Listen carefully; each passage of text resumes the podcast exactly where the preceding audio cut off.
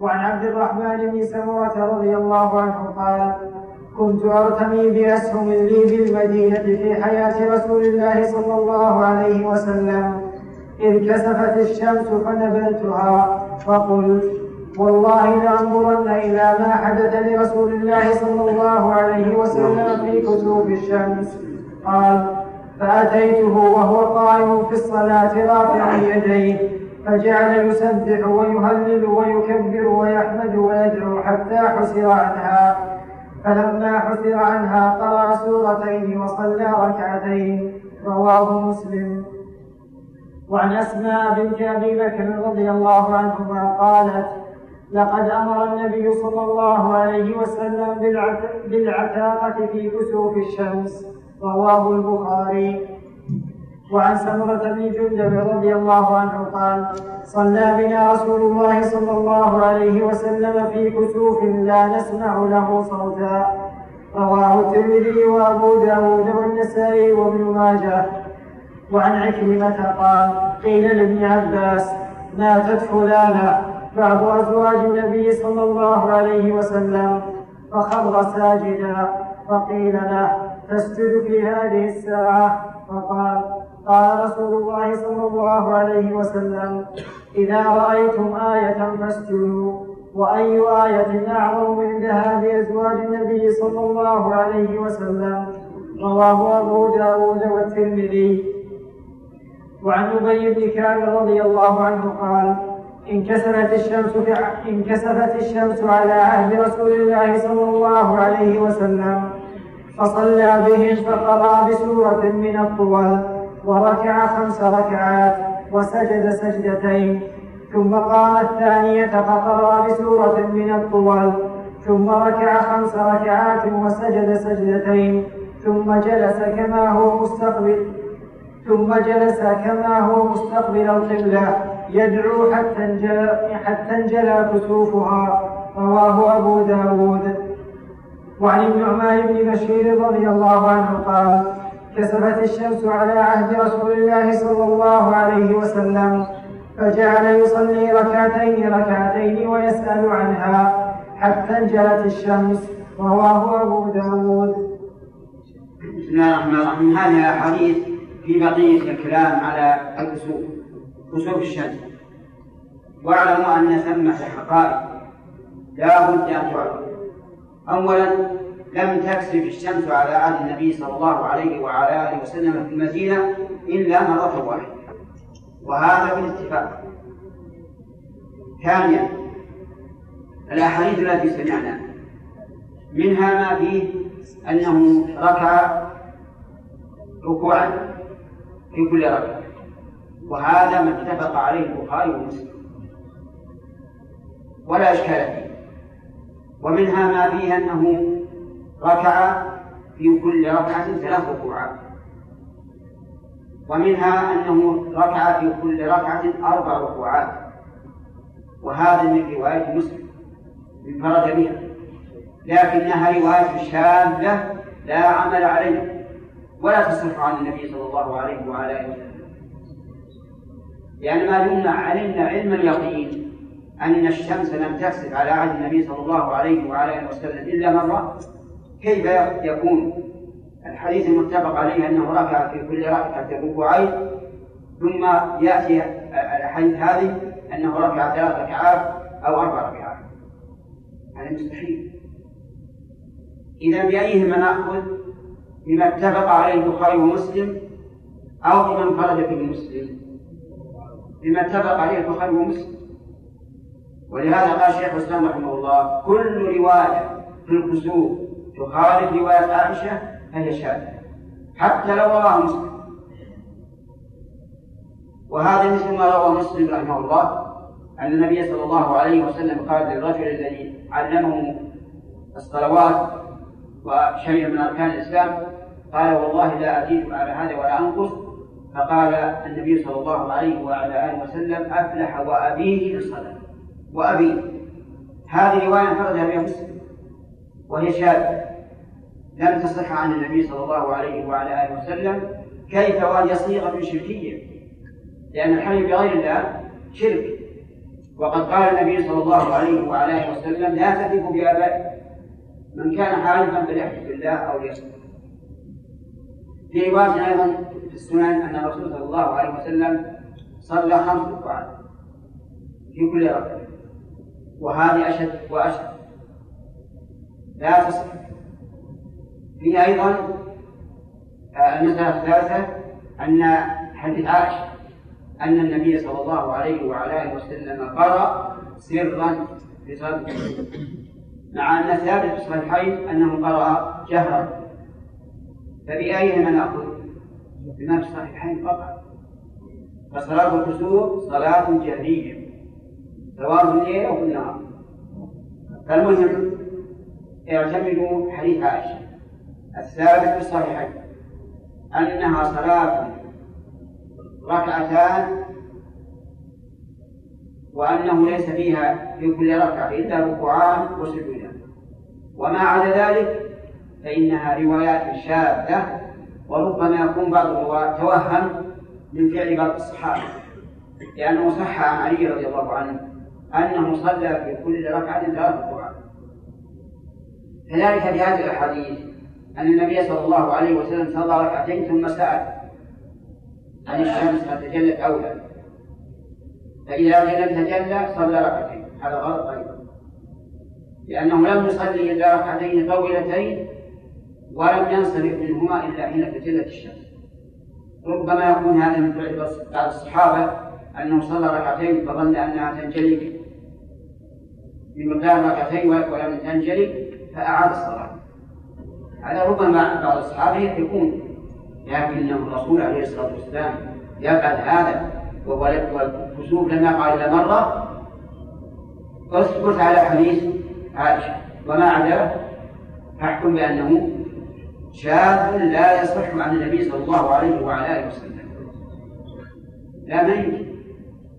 يتيقن أن الرسول عليه الصلاة والسلام لما كسفت خرج فزعا وجمع الناس واتفق المؤرخون وغير المحدثون على أنه لم يقع إلا مرة واحدة هذا أمر قبلي هم ظني نعم. أحسن هذا من ابن عباس رضي الله عنهما. يرى أن جميع الآيات المخوفة يستدل. ولما ماتت إحدى أمهات النبي سجد وقال إن هذه آية لكن هذا رأي وأكثر العلماء على خلاف ذلك. ما هو من هذا مو من الدرس. هذا مو من الدرس. ما في جواب. إن كان لا أسأل وحدك. باب في سجود الشكر عن أبي بكرة رضي الله عنه قال كان رسول الله صلى الله عليه وسلم سرور إذا جاءه أمر سرورا أو يسر به خر ساجدا شاكرا لله تعالى. رواه أبو داود والترمذي وقال هذا حديث حسن غريب. وعن أبي جعفر رضي الله عنه أن النبي صلى الله عليه وسلم رأى رجلا من النغاشين فخر ساجدا. رواه الدار قطني مرسلا. وعن سعد بن أبي وقاص رضي الله عنه قال خرجنا مع رسول الله صلى الله عليه وسلم من مكة نريد المدينة فلما كنا قريبا من عزوزا نزل ثم رفع يديه فدعا الله ساعة ثم خر ساجدا فمكث طويلا ثم قام فرفع يديه ساعة ثم خر ساجدا فمكث طويلا. ثم قام فرفع يديه ساعة ثم خر ساجدا.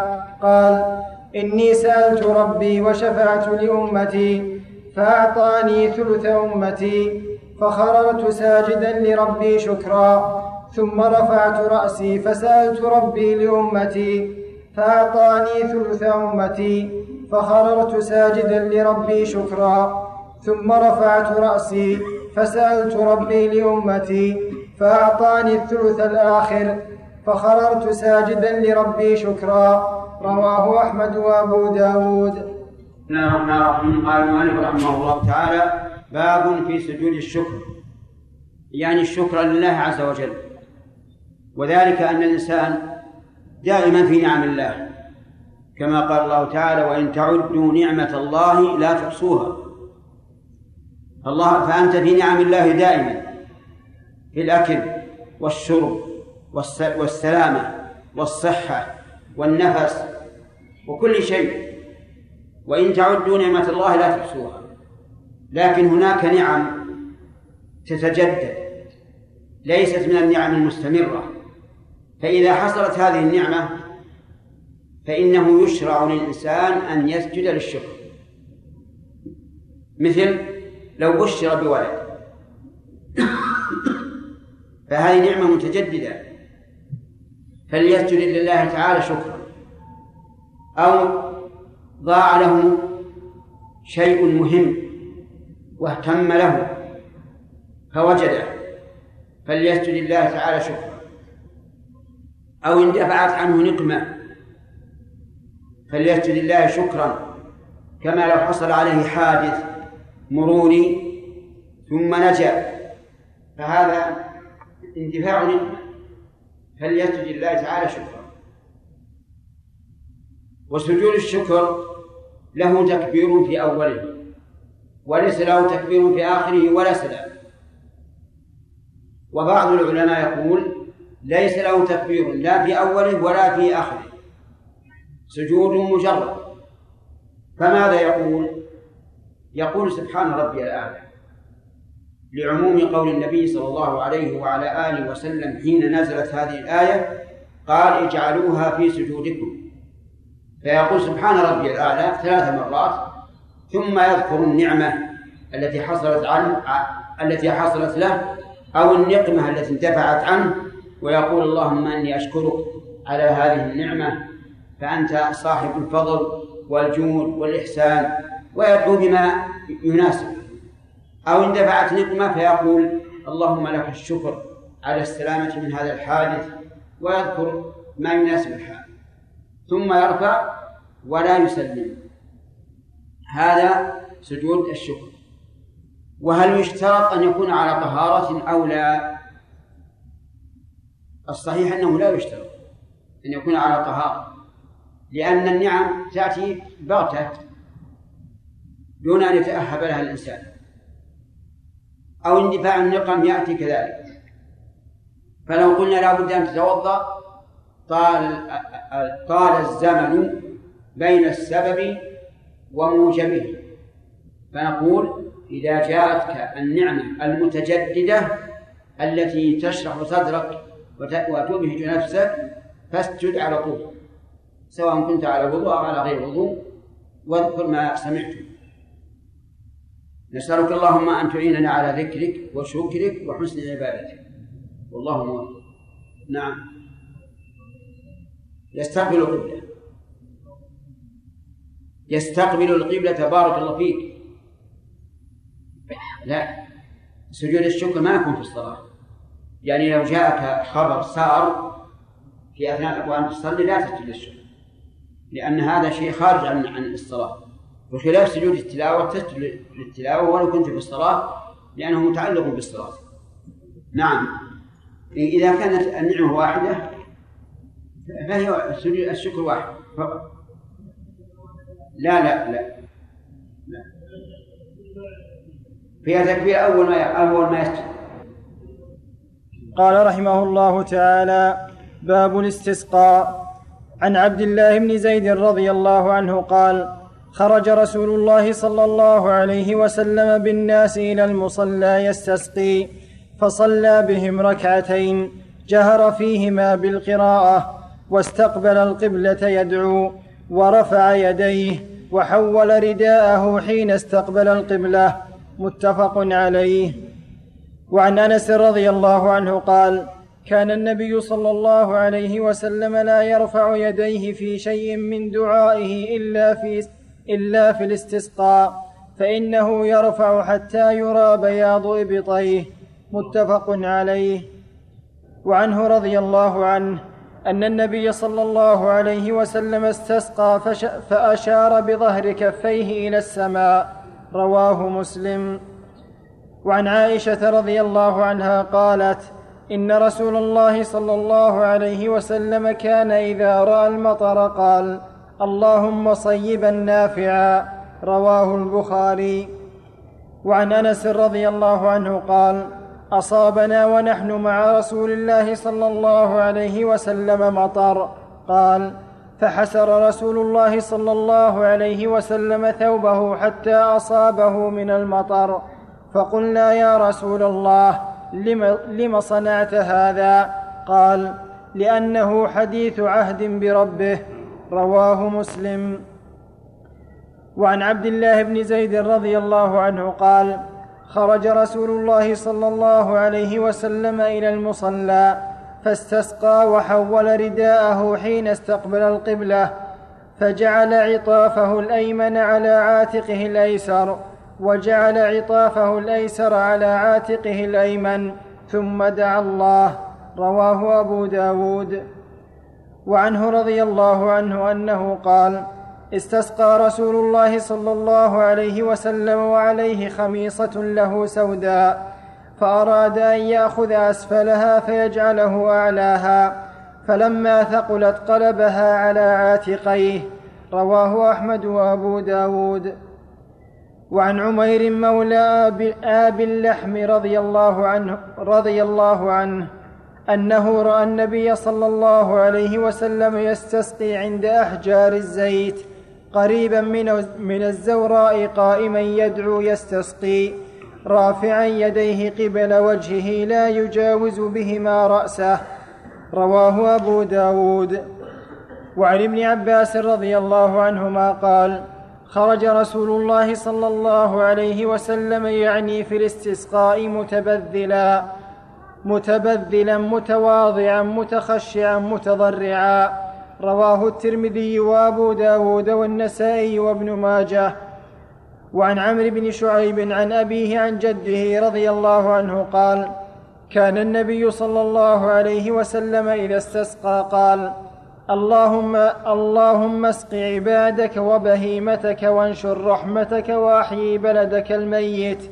رواه مالك وأبو داود. وعن جابر رضي الله عنه قال رأيت رسول الله صلى الله عليه وسلم يواكئ فقال اللهم أسقنا غيثا مغيثا مريئا مريعا نافعا غير ضار عاجلا غير آجل. قال فأطبقت عليهم السماء. رواه أبو داود. بسم الله الرحمن الرحيم. قال المؤلف رحمه الله تعالى باب الاستسقاء. الاستسقاء طلب نزول المطر لأن الناس في حاجة إلى نزول المطر بل في ضرورة كما قال الله عز وجل وأنزلنا من السماء ماء بقدر فأنشرناه فأسكناه في الأرض. وقال الله عز وجل أفرأيتم الماء الذي تشربون؟ أأنتم أنزلتموه من المزن أم نحن المنزلون الجواب الله الذي أنزله. فنحن لا نستطيع أن ننزل الغيث. ولذلك إذا قل المطر فليس لنا ملجأ إلا الله عز وجل. نستسقي. والاستسقاء أنواع. منها الاستسقاء في خطبة الجمعة. فإن النبي صلى الله عليه وسلم كان ذات يوم يخطب يوم الجمعة فدخل رجل من نحو باب القضاء فاستقبل النبي صلى الله عليه وعلى آله وسلم وقال يا رسول الله هلكت الأموال وانقطعت السبل. يعني من قلة المطر. فادعوا الله يغيثنا. فرفع النبي صلى الله عليه وعلى آله وسلم يديه وقال اللهم أغثنا ثلاث مرات. ورفع الناس أيديهم كذلك. قال أنس رضي الله عنه وهو راوي الحديث والله ما نرى في السماء من سحاب ولا قزعة. يعني لا سحاب واسع ولا قزعة صغيرة. وما بيننا وبين سلع من بيت ولا دار. سلع جبل معروف في المدينة تأتي السحاب من جهته. السماء صح. وما في السحاب. يقول رضي الله عنه أنس خرجت من وراء السلع سحابة مثل الترس. يعني مثل الصحن الكبير. وارتفعت في السماء. والناس يشاهدونها. تسير بأمر الله عز وجل. لما توسطت السماء انتشرت وتوسعت ورعدت وبرقت وأمطرت. فما نزل النبي صلى الله عليه وعلى آله وسلم من المنبر من الخطبة إلا والمطر يتحادر من لحيته. اللهم صل وسلم عليه. آية من آيات الله. وإنما كان المطر ينزل يتحاضر من لحيته لأن المسجد على عريش. من خوص النخل. فنزل المطر من خلاله حتى صار فوق رأس الرسول صلى الله عليه وعلى آله وسلم وجعل يتقاطر من لحيته. انظر يا إخوان القدرة الإلهية إنما أمره يعني الله عز وجل إذا أراد شيئا أن يقول له كن فيكون. وانظروا إلى آية النبي صلى الله عليه وسلم مما يدل على أنه رسول الله حقا. ولو لم يكن رسول الله حقا ما أجابه الله. نزل النبي عليه الصلاة والسلام بدأت السماء تمطر والأرض تجري والشعاب تمشي حتى إن الشعيب قناة وهو معروف إلى اليوم بهذا الاسم قناة جعل يمشي شهرا كاملا. واستمر المطر أسبوعا كاملا ليلا ونهارا. تعالى الله. فلما كانت الجمعة الثانية دخل رجل أو الرجل الأول وقال يا رسول الله غرق المال وتهدم البناء. غرق المال منين؟ من كثرة المطر. الزروع أغربت فسدت والمواشي اجترفت السيول. والبناء تهدم لأنه من الطين. فادعوا الله يمسكها عنا. ابن آدم ما يتحمل. لا هذا ولا هذا. فرفع النبي صلى الله عليه وعلى آله وسلم يديه وقال اللهم حوالينا ولا علينا. ما قال اللهم أمسكها. الرجل قال ادعو الله يمسكها. لكن النبي صلى الله عليه وعلى آله وسلم لم يدعو الله بإمساكها لأن المطر كله خير. لكن دعا الله سبحانه وتعالى أن يرفع الضرر. قال اللهم حوالينا ولا علينا. اللهم على الآكام والضراب وبطون الأودية ومنابت الشجر. اللهم صل وسلم عليه. يعرف المواقع التي يكون نزول المطر فيها خيرا. يقول الراوي اسمع يقول الراوي فما يشير إلى ناحية إلا انفرجت. هكذا حوالينا ثم تنفرج. ولا علينا. بأمر من تنفرج؟ بأمر الرسول؟ لا بأمر الله. تنفرج بأمر الله؟ بإشارة النبي صلى الله عليه وعلى آله وسلم. فخرج الناس يمشون في الشمس. آية من آيات الله. في هذا الحديث دليل واضح على أنه لا يجوز أن تجمع العصر إلى الجمعة. لأنه لو جاز أن تجمع العصر إلى الجمعة لجمع النبي صلى الله عليه وسلم. لأنه يجمع بين الظهر والعصر مع المطر. يجمع بين الظهر والعصر مع الوحل. وهنا الجمعة الأولى فيها إيش؟ وحل أو مطر. الجمعة الأولى. مطر. لأن الأرض عطشة. لم يكن فيها وحل. لكن في مطر ينزل بشدة. والجمعة الثانية فيها فيها وحل. زلق. ونقع الماء. ومع ذلك لم يجمع النبي صلى الله عليه وسلم. وبهذا نعرف أن الذين إذا قدموا البلد وهم مسافرون وصلوا الجمعة صلوا معها العصر. وهذا غلط عظيم غلط على الشريعة. الجمع إنما هو بين بين صلاتين متشابهتين الظهر وإيه؟ والعصر. الجمعة منفردة صلاة منفردة متميزة عن غيرها. كم عددها؟ ركعتان. والظهر أربع. يجهر فيها بالقراءة والظهر لا يجهر فيها بالقراءة. من أدركها صلاها ومن فاتته صلى ظهرا ولم يصلها. لا بد من تقدم خطبتين. لا بد من عدد. لو صلاها الإنسان منفردا ما صحت. ولا تكون إلا في البلاد. ما تكون في السفر لو اجتمع في السفر ألف نفر. وصادف يوم الجمعة ما يصلون يوم الجمعة في البر. وبينه وبين الظهر أكثر من ثلاثين فرد. فلا يمكن قياسه على الظهر. فدل النص والقياس على أن العصر لا تجمع إلى الجمعة. المهم أن هذا نوع من الاستسقاء. وفي هذا الحديث من آيات الله وآيات النبي صلى الله عليه وعلى آله وسلم ما يتبين به أن محمدا رسول الله حقا وأن الله أيده بالآيات الدالة على أنه رسول الله وأن الإنسان لا يتحمل لا من الزيادة ولا من النقص.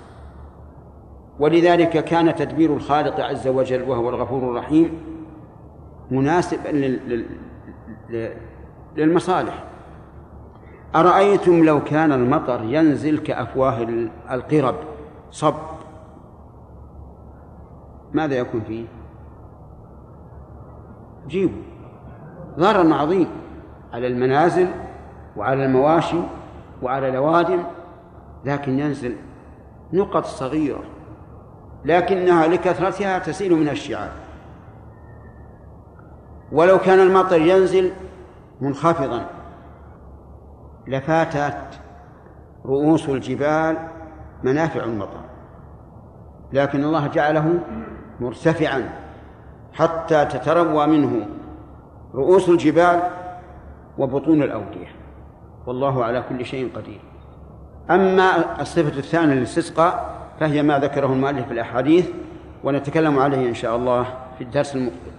والله الموفق نعم. قل إيش؟ الظهر والعصر يجمع إذا كان مطر أي نعم. أي نعم. لا بأس. لو فاتتك الجمعة وصليت الظهر لا بأس أن تجمع العصر إذا كان الجمع جائزا أو كنت مثلا في أو كنت في السفر وصليت الظهر صلى العصر معها جمعا ولا حرج. اسمع الكلام وافهمه نحن نقول لا تجمع العصر إلى الجمعة. وأنت تعرف فرق بين الجمعة والظهر ولا لا؟ تعرف الفرق بين الجمعة والظهر ولا لا؟ ماذا قلت أنا؟ لا تجمع العصر إلى إلى الجمعة. أما إلى الظهر تجمع. إيش؟ أي نعم رفع الأيدي في الاستسقاء في الجمعة كالعادة. يرفع إلى الصدر ويرفع الناس أيديهم معه أيضا.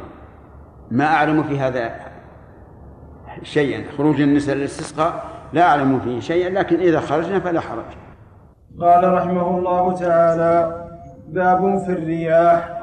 عن ابن عباس رضي الله عنهما قال قال رسول الله صلى الله عليه وسلم نصرت بالصبا وأهلكت عاد بالدبور. متفق عليه. وعن عائشة رضي الله عنها قالت ما رأيت رسول الله صلى الله عليه وسلم ضاحكا حتى أرى منه لهواته. إنما كان يتبسم. فكان إذا رأى غيما أو ريحا عرف في وجهه. فكان إذا رأى غيما أو ريحا عرف ذلك في عرف في وجهه. متفق عليه. وعنها رضي الله عنها قالت كان النبي صلى الله عليه وسلم إذا عصفت الريح قال اللهم إني أسألك خيرها وخير ما فيها وخير ما أرسلت به وأعوذ بك من شرها وشر ما فيها وشر ما أرسلت به وإذا تخيلت السماء تغير لونه وخرج ودخل وأقبل وأدبر فإذا مطرت سري عنه فعرفت فعرفت ذلك عائشة فسألت فقال لعله يا لعله يا عائشة كما قال قوم عاد. فلما رأوه عارضا مستقبل أوديتهم قالوا هذا عارض ممطرنا. وفي رواية ويقول إذا رأى المطر رحمة. متفق عليه. وعن ابن عمر رضي الله عنهما قال قال رسول الله صلى الله عليه وسلم مفاتيح الغيب خمس. ثم قرأ إن الله عنده علم الساعة وينزل الغيث. الآية رواه البخاري.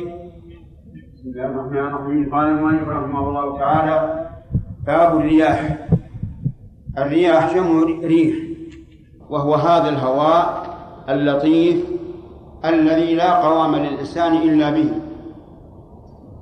هذا الهواء اللطيف يرسله الله عز وجل من حيث شاء وعلى أي وجه شاء. ولو اجتمعت الخلائق كلها على أن يأتوا بمثله ما أتوا بمثله. لو اجتمعت نفاثات الدنيا كلها ما حصل مثل هذا الريح. ريح عظيمة تأتي أحيانا بسرعة هائلة تقلع الأشجار وتهدم الديار. وتنقل السيارات إلى غير ذلك مع أنها لطيفة خفيفة لكنها فيها هذه القوة العظيمة هي أقوى من الماء وأقوى من كل هذه الأمور ولذلك تجد الهواء يحمل الطائرة. الطائرة تحمل خمسمائة نفر بعفشهم ومعداتهم والذي يحملها الهواء بقدرة الله عز وجل. هذه الريح التي خلقها الله سبحانه وتعالى أحيانا تكون رحمة وأحيانا تكون عذابا. تكون رحمة وتكون عذابا كما في حديث عبد الله بن عباس رضي الله عنه أن النبي صلى الله عليه وعلى آله وسلم قال نصرت بالصبا وأهلكت عاد بالدبور. الصبا الريح الشرقية والدبور الريح الغربية. يعني الصبا تأتي من جهة شروق الشمس. والدبور تأتي من جهة مغرب الشمس. نصر النبي صلى الله عليه وعلى آله وسلم بالصبا متى؟ في غزوة الأحزاب. غزوة الأحزاب أن قوما من اليهود الذين أجلوا عن المدينة ذهبوا إلى قبائل العرب. يستنهضونهم لقتال النبي صلى الله عليه وعلى آله وسلم. فرأى العرب أن ذلك فرصة. أن يقاتلوا النبي صلى الله عليه وعلى آله وسلم ومعهم ومعهم اليهود. فوافقوا على ذلك. واجتمعوا في نحو عشرة آلاف مقاتل. عشرة آلاف مقاتل. ولما سمع بهم النبي صلى الله عليه وعلى آله وسلم استشار أصحابه أيخرج أو لا؟ قالوا لا تخرج. عشرة آلاف مقاتل جمع عظيم كبير وأشار عليه سلمان الفارسي رضي الله عنه أن يحفر خندقا على المدينة متصلا من الحرة الشرقية إلى الغربية لأن الحرتين لا يمكن أن يأتي من قبلهما أحد. فبرع الخندق حفرة عميقة واسعة ما بين إيش؟ ما بين الحرتين. من أجل أن لا يدخل هؤلاء الأعداء إلى المدينة. فحاصروا المدينة. وعجزوا أن يدخلوا. اللهم إلا نوادر من الفرسان. وبقوا مدة تزيد على عشرين ليلة وهم قد حاصروا المدينة. فأرسل الله سبحانه وتعالى عليهم أرسل عليهم الريح الشرقية الباردة الشديدة حتى جعلت تكفأ القدور وتقض الخيام وأقلقتهم إقلاقا عظيما. وكانت باردة شديدة. فانتدب فندب النبي صلى الله عليه وسلم أصحابه قال من لي بخبر القوم؟ وسبحان الله العظيم الريح شديدة عظيمة على هؤلاء الأعداء لكن في الجانب الذي فيه الرسول صلى الله عليه وسلم وأصحابه ريح لطيفة. قال من لي بخبر هؤلاء. لم يقم أحد. من لي بخبر هؤلاء ما قام أحد. لأن الليل ليل بارد. وكل إنسان يحب الراحة كما قال عز وجل كتب عليكم القتال وهو كره لكم. فقال قم يا حذيفة. فلما عينه قال ليس لي بد من أن أقوم. لأن الرسول صلى الله عليه وسلم عينه يقول فقمت. وقال اذهب. وانظر خبر القوم. ولا تحدث شيئا أبدا مهما كان. يقول فخرجت. دخلت معسكر, معسكر القوم. دخلت وكأني في أدفأ ما يكون من الحجر. كأني في حجرة دافية. لا رياح ولا برودة وهذا من آية الله عز وجل. يقول فقعدت وكان ذلك ليلا وإذا أبو سفيان وهو في ذلك اليوم زعيم زعيم قريش. يتصلى على النار. من البرد والناس قد طولوا خيامهم يرجعون. يقول وهو مني قريب لو شئت لأصبته ولكني ذكرت قول النبي صلى الله عليه وسلم لا تحدث شيئا فلم أحدث شيئا فقال أبو سفيان ليعرف كل واحد منكم جليسه ليعرف كل واحد جليسه يعني يسأل من وش أنت؟ يقول فبادرت فأمسكت بيد, جليسي وهو من العدو. قلت له من أنت؟ قال أنا فلان. يقول ثم رجعت إلى النبي صلى الله عليه وعلى آله وسلم حتى إذا تعديت معسكر القوم أحسست بالبرد.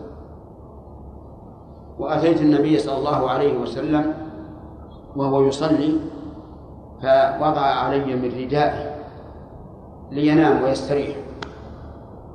هذه الريح التي أرسلها الله على قريش ومن كان معهم لم يب... لم تبق منهم أحد. كلهم شدوا ورحلوا خائبين.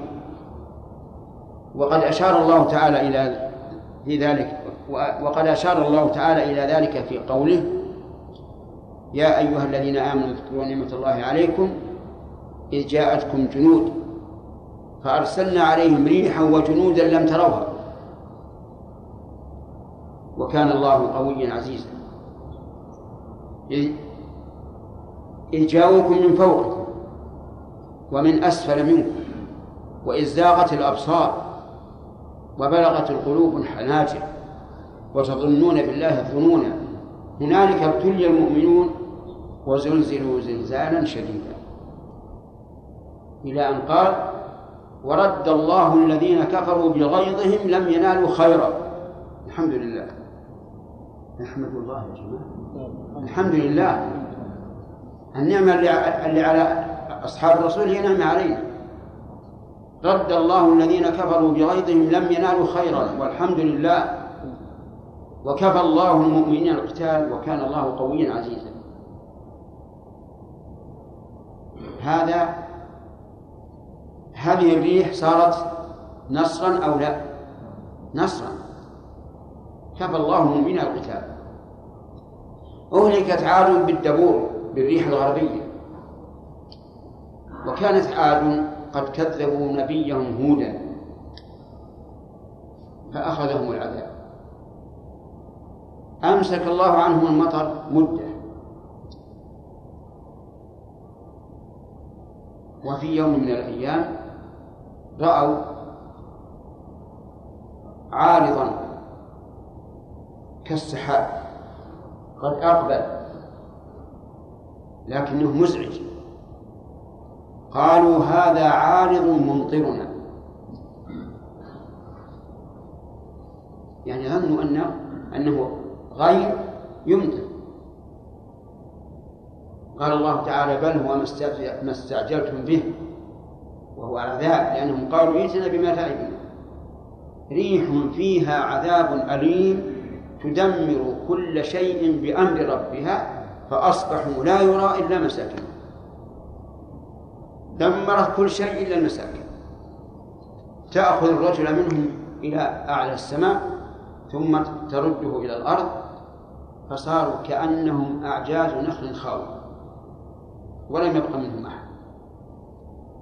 وتأمل أخي المسلم. هؤلاء القوم أعني عادا. استكبروا في الأرض وقالوا من أشد منا قوة؟ تحدي. فقال الله عز وجل أولم يروا أن الله الذي خلقهم هو أشد منهم قوة؟ وكانوا بآياتنا يجحدون. فأرسلنا عليهم ريحا صرصرا في أيام نحسها أهلكهم الله بالريح اللي هي ألطف, ألطف شيء. افتخروا بقوتهم فأهلكوا بما بألطف شيء. وهذا نظير قول فرعون. أليس لي ملك مصر؟ وهذه الأنهار تجري من تحتي. أفلا تبصرون؟ أم أنا خير من هذا الذي هو مهين؟ ولا يكاد يبين افتخر بالأنهار تجري من تحته والأنهار من أي؟ من أي شيء؟ من أي شيء؟ من الماء. فأهلكه الله عز وجل بجنس ما افتخر به. أهلكه الله بالغرق بالماء. فالله تعالى قوته لا تقهر وهو على كل شيء قدير. الشاهد أن هذه الريح التي يرسلها الله عز وجل بقدرته تكون أحيانا عذابا وأحيانا رحمة على حسب ما يريد الله عز وجل ويأتي إن شاء الله بقية الكلام على الأحاديث التي ساقها المؤلف. والله موفق. نقل المؤلف رحمه الله تعالى عن ابن عمر رضي الله عنهما قال قال رسول الله صلى الله عليه وسلم مفاتيح الغيب خمس ثم قرأ إن الله عنده علم الساعة وينزل الغيث. الآية رواه البخاري. وعن أبي هريرة رضي الله عنه قال قال رسول الله صلى الله عليه وسلم ليست السنة بأن لا تمطروا ولكن السنة أن تمطروا وتمطروا ولا تنبت الأرض شيئا. رواه مسلم. بسم الله الرحمن الرحيم. ذكر المؤلف رحمه الله تعالى هذين الحديثين في هذا الباب. الأول حديث ابن عمر رضي الله عنهما أن النبي صلى الله عليه وسلم قال مفاتيح الغيب خمس. يشير إلى قوله تعالى وعنده مفاتح الغيب لا يعلمها إلا هو ويعلم ما في البر والبحر وما تسقط من ورقة إلا يعلمها. هذه الخمس مذكورة في قوله تعالى إن الله عنده علم الساعة وينزل الغيث ويعلم ما في الأرحام وما تدري نفس ماذا تكسب غدا وما تدري نفس بأي أرض تموت. هذه خمسة لا يعلمها إلا الله عز وجل. أولا علم الساعة يعني القيامة. لا يدري أحد متى تقوم القيامة. لا ملك مقرب ولا نبي مرسل. ولهذا لما قال جبريل للنبي صلى الله عليه وعلى آله وسلم أخبرني عن الساعة قال ما المسؤول عنها بأعلم من السائل؟ يعني كما أنك أنت لا تدري فأنا لا أدري. الثاني وينزل الغيث. الغيث المطر الذي يغاث به الناس وتزال شدتهم لا أحد يقدر على هذا إلا الله عز وجل. وهنا قال الغيث لأن الغيث هو الذي ينفع. وأما الماء إذا نزل فقد ينفع وقد لا ينفع. ولهذا جاء في حديث أبي هريرة ليست السنة أن لا تمطر. يعني ليس الجد والشدة أن لا تمطروا بل السنة أن تمطروا ثم لا تنبت الأرض شيئا. وهذا يقع. أحيانا تكثر الأمطار ولكن لا تنبت الأرض شيئا. هذه الأمطار وجودها كالعدم بالنسبة للنبات. ولهذا قال ينزل الغيث أي ينزل من السماء ماء تزول به الشدة. الثالث ويعلم ما في الأرحام. أرحام بني آدم وغيره يعلمها عز وجل. يعلم هذا الجنين الذي في الرحم. هل سيخرج حيا أو ميتا؟ هل سيطول بقاؤه في الدنيا أو لا؟ هل سيكون رزقه واسعا أو ضيقا؟ هل سيكون عمله صالحا أم سيئا؟ هل سيكون سعيدا أو أو شقيا؟ كل هذه المعلومات لا يعلمها إلا الله عز وجل. يعلم ما في الأرحام. وما تدري نفس ماذا تكسب غدا. يعني كل نفس لا تدري ماذا تكسب غدا. فمثلا نحن الآن يوم السبت يوم الأحد ما ندري ماذا نكسب. قد نكسب رزقا كثيرا أو قليلا قد نكسب عملا صالحا أو سيئا. المهم أنك لا تدري ماذا يصيبك غدا. حتى لو قدرت أنك ستفعل كذا وقدرت أنك ستكسب كذا فإن الأمور تخلف. ولهذا قال الله عز وجل لنبيه صلى الله عليه وعلى آله وسلم لا تقولن لشيء إني فاعل ذلك غدا إلا أن يشاء الله. يعني إلا أن تقيدها بمشيئة الله. لأن الإنسان لا يدري ماذا يعرض له. قد يعزم الإنسان مثلا على أن يزور صديقا له غدا. عازما أن يزوره ثم يحصل مانع فلا يزوره. قد يعزم الإنسان على أن يصوم غدا ثم يوجد مانع فأنت يا أخي لا تدري ماذا تكسب غدا. فاعمل ليومك وغدا له الله عز وجل. وما تدري نفس بأي أرض تموت. الإنسان لو خلق في أرض ونشأ فيها وتزوج وآتاه الأولاد واستوطن استيطانا تاما ولم ولم يخطر بباله أن يسافر إذا به يسافر ليموت في الأرض التي كتب الله تعالى أن يموت فيها. ولهذا قال وما تدري نفس بأي أرض تموت. وإذا كان الإنسان لا يدري بأي أرض يموت فهو لا يدري أيضا في أي وقت يموت. قد يؤمل البقاء ولكن الأجل قريب.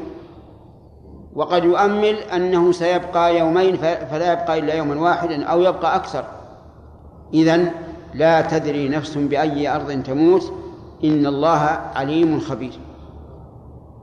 وإذا كنا قاصرين عن علم الغيب فالواجب علينا أن نلجأ إلى الله تعالى في جميع أمورنا. لأنه يعلم عز وجل مستقبلنا ويعلم ماذا نكسب ويعلم أحوالنا كلها فلنلجأ إليه تبارك وتعالى. والله موفق. سمعت رسول الله صلى الله عليه وسلم يقول الريح من روح الله تأتي بالرحمة وبالعذاب فلا تسبوها وسلوا الله من خيرها واعوذوا به من شرها. رواه الشافعي وأبو داود وابن ماجة والبيهقي في الدعوات الكبير. وعن ابن عباس رضي الله عنهما أن رجلا لعن الريح عند النبي صلى الله عليه وسلم فقال لا تلعنوا الريح فإنها مأمورة وإنه من لعن شيئا ليس له بأهل رجعت اللعنة عليه. رواه الترمذي وقال هذا حديث غريب. وعن أبي بن كعب رضي الله عنه قال قال رسول الله صلى الله عليه وسلم لا تسبوا الريح فإذا رأيتم ما تكرهون فقولوا اللهم إنا نسألك من خير هذه الريح وخير ما فيها وخير ما أمرت به ونعوذ بك من شر هذه الريح وشر ما فيها وشر ما أمرت به. رواه الترمذي. وعن ابن عباس رضي الله عنهما قال ما هبت الريح قط إلا جثى النبي صلى الله عليه وسلم على ركبتيه وقال اللهم اجعلها رحمة ولا تجعلها عذابا. اللهم اجعلها رياحا ولا تجعلها ريحا. قال ابن عباس في كتاب الله تعالى إنا أرسلنا عليهم إنا أرسلنا عليهم ريحا صرصرا. وأرسلنا عليهم وأرس وأرسلنا عليهم الريح العقيم. وأرسلنا الرياح لواقح. وأن يرسل الرياح وأن يرسل الرياح مبشرات. رواه الشافعي والبيهقي في الدعوات الكبير. وعن عائشة رضي الله عنها قالت كان النبي صلى الله عليه وسلم إذا أبصرنا شيئا من السماء إذا أبصرنا شيئا من السماء تعني السحاب ترك عمله واستقبله وقال اللهم إني أعوذ بك من شر ما فيه فإن كشفه حمد الله وإن مطرت قال اللهم سقي اللهم سقيا نافعا. رواه أبو داود والنسائي وابن ماجة والشافعي واللفظ له. وعن ابن عمر رضي الله عنهما أن النبي صلى الله عليه وسلم كان إذا سمع صوت الرعد والصواعق قال اللهم لا تقتلنا بغضبك ولا تهلكنا بعذابك وعافنا قبل ذلك. رواه أحمد والترمذي وقال هذا حديث غريب. وعن عامر بن عبد الله بن الزبير أنه كان إذا سمع الرعد ترك الحديث وقال سبحان الذي يسبح الرعد بحمده والملائكة من خيفته. رواه مالك. بسم الله الرحمن الرحيم. هذه أحاديث في بيان أن الريح تنقسم إلى قسمين ريح عذاب وريح رحمة أما ريح العذاب فإنها كالريح التي أرسلها الله على عاد تدمر كل شيء بأمر ربها. وأما ريح الرحمة فهي الرياح التي يرسلها الله عز وجل فتثير سحابا فيبسطه في السماء كيف يشاء ويجعله كسفا فترى الودق يخرج من خلاله.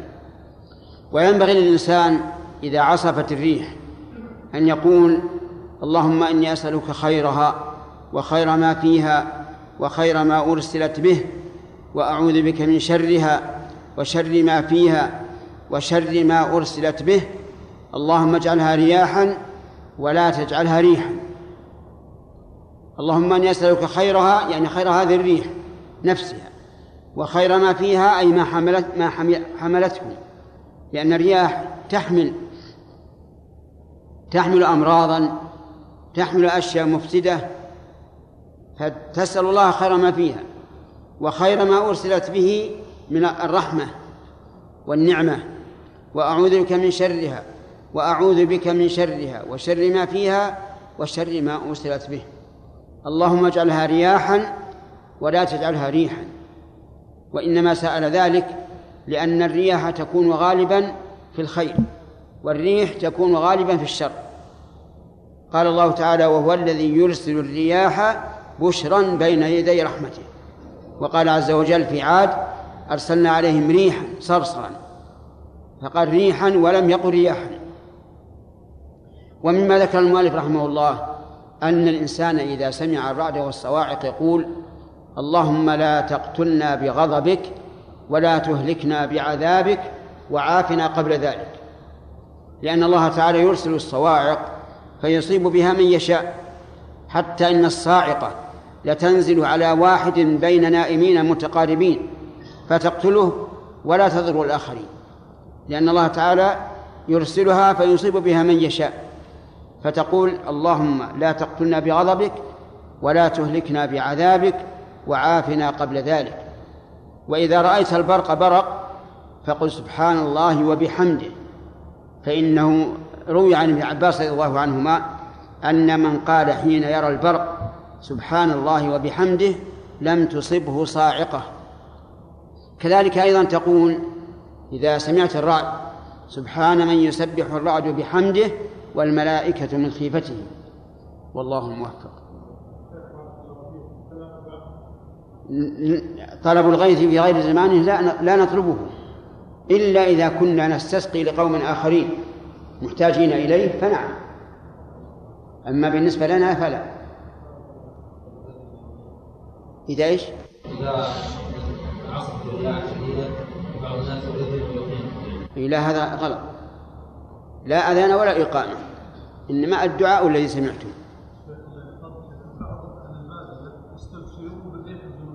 نعم. صحيح. الريح الجنوبية في في منطقتنا منطقتنا هذه غالبا ما تأتي بالأمطار. لكن ما هو دائما. وكذلك الشمالية يقولون أنها تفرق السحاب. وليس هذا بدائم. الأمر كله بيد الله عز وجل. لكن جرت العادة أن الريح الجنوبية يحصل معها السحاب والمطر. حتى بلغني أن الناس فيما سبق إذا هبت ريح الريح الجنوبية أبطلوا السواني وقالوا خلاص سقينا. وهذا شيء على العادة وليس شيء لازما. الحرق. اي كلهم ما هم زينات والصواعق ما هم زينات نعم اي صحيح.